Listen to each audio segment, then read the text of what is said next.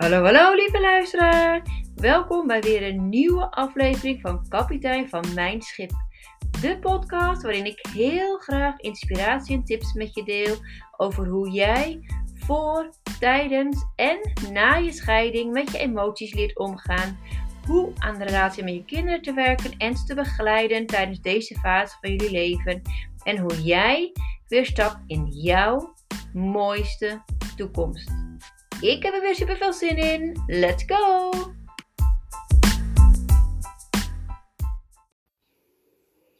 Oké, ik ga nu verder met de opname. Ehm, ja, ik kwam daar dus eh, aan en toen ben ik naar binnen gegaan uh, bij het, uh, ja, waar, waar, wij bij elkaar konden komen en, en met elkaar de laatste woorden konden spreken tot Julius. Het was ontzettend emotioneel. De vader, de moeder, de beide opa's uh, spraken. De zus van haar heeft nog gezongen. Uh, hetzelfde liedje was ook voor Johanna, zijn grote zus dus. haar neefje, haar nichtje, uh, zingt. Ze voelde heel sterk dat ze dat wilde doen. En ze was ook gevraagd om dat te doen. Dus dat was heel bijzonder. Heel emotioneel. Ik heb ontzettend veel gehuild. Um, ik, ik, ik vond het zo heftig om te zien dat mijn broertje met mijn schoonzus over dat, dat mandje heen, bij een mandje zaten van hun zoon en zo verdrietig waren. En ik, ik, ik wilde zo graag dat verdriet van ze wegnemen, maar ik kon dat niet van ze wegnemen. Ik kon er alleen maar voor ze zijn om het met hun te dragen. En ik kon het niet wegnemen. En dat vond ik zo moeilijk. Um, buiten gekomen toen we naar de begraafplaats gingen. Waar hij ter worden gebracht, was nog een paar minuten lopen. Uh, barst ik in huilen uit. Ik had het niet meer. Ik was zo kapot van emoties. Ik voelde het allemaal. En ik voelde het allemaal door mijn lijf. En ik dacht echt, dit is gewoon niet waar. Dit is gewoon, dat, dat kind, dat is zo mooi. Gaan we het nu echt wegbrengen? Ik kon het gewoon nog steeds niet echt bevatten. En um, wij werden als familie gevraagd om eerst het gebouwtje te verlaten. En mijn, mijn schoonzus en mijn broertje zouden als laatste het mandje optillen. En samen uh, naar de laatste rustplaats brengen. Um, ja, de aarde was wit, het had gesneeuwd. De verse sneeuw kraakte onder je voeten. De zon scheen, heel helder, alsof de lente kon beginnen. Het was het mooiste plaatje wat dat betreft, wat je zou kunnen wensen op zo'n moment. Ik, ik, ik zag ze daar lopen met hun zoon tussen hun in. En het was zo mooi, maar ook zo pijnlijk. En bij het gat gekomen. Zo'n zwart gat in de aarde. We hadden ze zo mooi mogelijk gemaakt door een trappetje erin te maken. Zodat mijn broertje naar beneden kon lopen. In dat trappetje, in dat, in dat gat. En daar het wiegje. Nadat ze allebei een kusje hadden gegeven aan hun zoontje. Aan de adem toe te vertrouwen. was zo mooi. Zo raar, gek, vreemd. Zo moet het niet zijn, zo mag het niet gaan. Maar zoveel rust ook. Daarna werden wij gevraagd om één voor één uh, elk een trappetje af te lopen. En dan van onze kussens uh, er open gemaakt. En of we dan allemaal om de beurt een handvol veren uit wilde nemen. En elke veer stond voor een kusje voor een kindje. Dus een grootste hand die je maar kunt vullen met ons veren en dat over het kindje heen uit te spreiden. Ehm, het was een open mandje, dus we konden hem ook allemaal nog steeds zien. Hij lag er heel vredig te slapen in zijn mandje onder zijn dekentje met zijn aapje tegen zich aan, geknuffeld met zijn aapje. Uh, ook heel bijzonder, want het aapje wat hij mee heeft genomen, zijn graf in. Dat, hetzelfde aapje hebben ook mijn broertje, mijn schoonzus en mijn nichtje.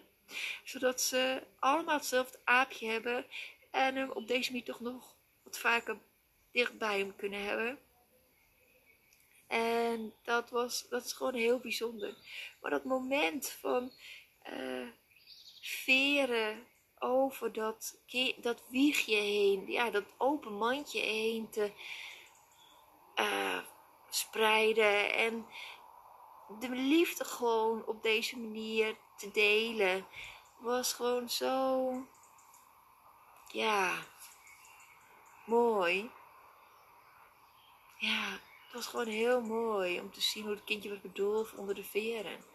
En toen het mijn beurt was, uh, heb ik ook mijn, mijn rode rozen meegenomen. Mijn rode rozen gelegd bovenop de witte veren. Het was een prachtig contrast. Het was heel mooi, geheel. En daarna, nadat ik de rozen had gebracht, als zijnde mijn symbool van mijn liefde voor hem, uh, dat ik altijd aan zou blijven denken, die altijd een hart heeft, uh, plaats heeft in mijn hart en altijd onderdeel van uitmaken van ons familiesysteem. Uh, daarna heb ik echt twee grote schep gepakt met mijn handen met veer en over me. Oh jongen, echt alle kusjes die je maar kunt bedenken van je tante. Ik hou van jou en ik ga je heel erg missen. En het. Ja, het is tijd om door te gaan.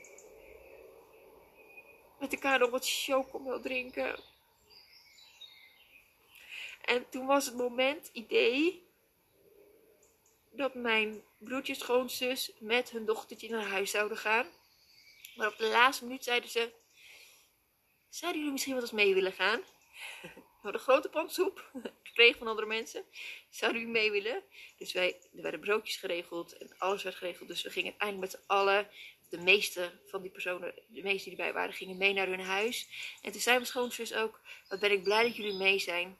Want eigenlijk keek het nu het zover was ook wel heel erg tegenop om samen thuis te komen en dan in die leegte en die stilte te zijn. En dat kon ik me ook heel goed voorstellen. Dus ja.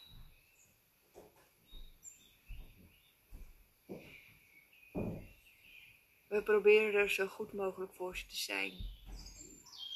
Um, het, woorden zitten tekort en ik, ik, het is eh, heel onwerkelijk en heel gek. Maar ik had heel sterk verlangen om dit wel op te nemen. Zodat hij altijd weet dat hij een plekje heeft. Ook op mijn YouTube kanaal. Want daar hoort hij ook thuis. Hij is en blijft altijd onderdeel van het familiesysteem. En um, vergeten zullen we hem nooit. En wat wil ik meegeven hieruit? Um, dat je soms moeilijke dingen moet meemaken, onverwachte dingen moet meemaken. En dat je er gewoon kunt zijn voor de mensen om je heen zo goed als mogelijk. En ja, ik weet het soms ook niet. En dan schieten woorden me tekort. En dan zeg ik dat ook maar gewoon. En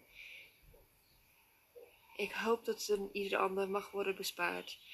Want dit is echt niet iets wat je iemand ooit kunt doen. Het is echt het meest afschuwelijke wat je kunt overkomen als ouders. En als naaste familie. Het is gewoon echt verschrikkelijk. En um, ik wil het hier even bij laten. Ik wil hem gewoon een memorium houden. En het verhaal van de afgelopen week delen voordat het donker wordt in het bos. Dat was het.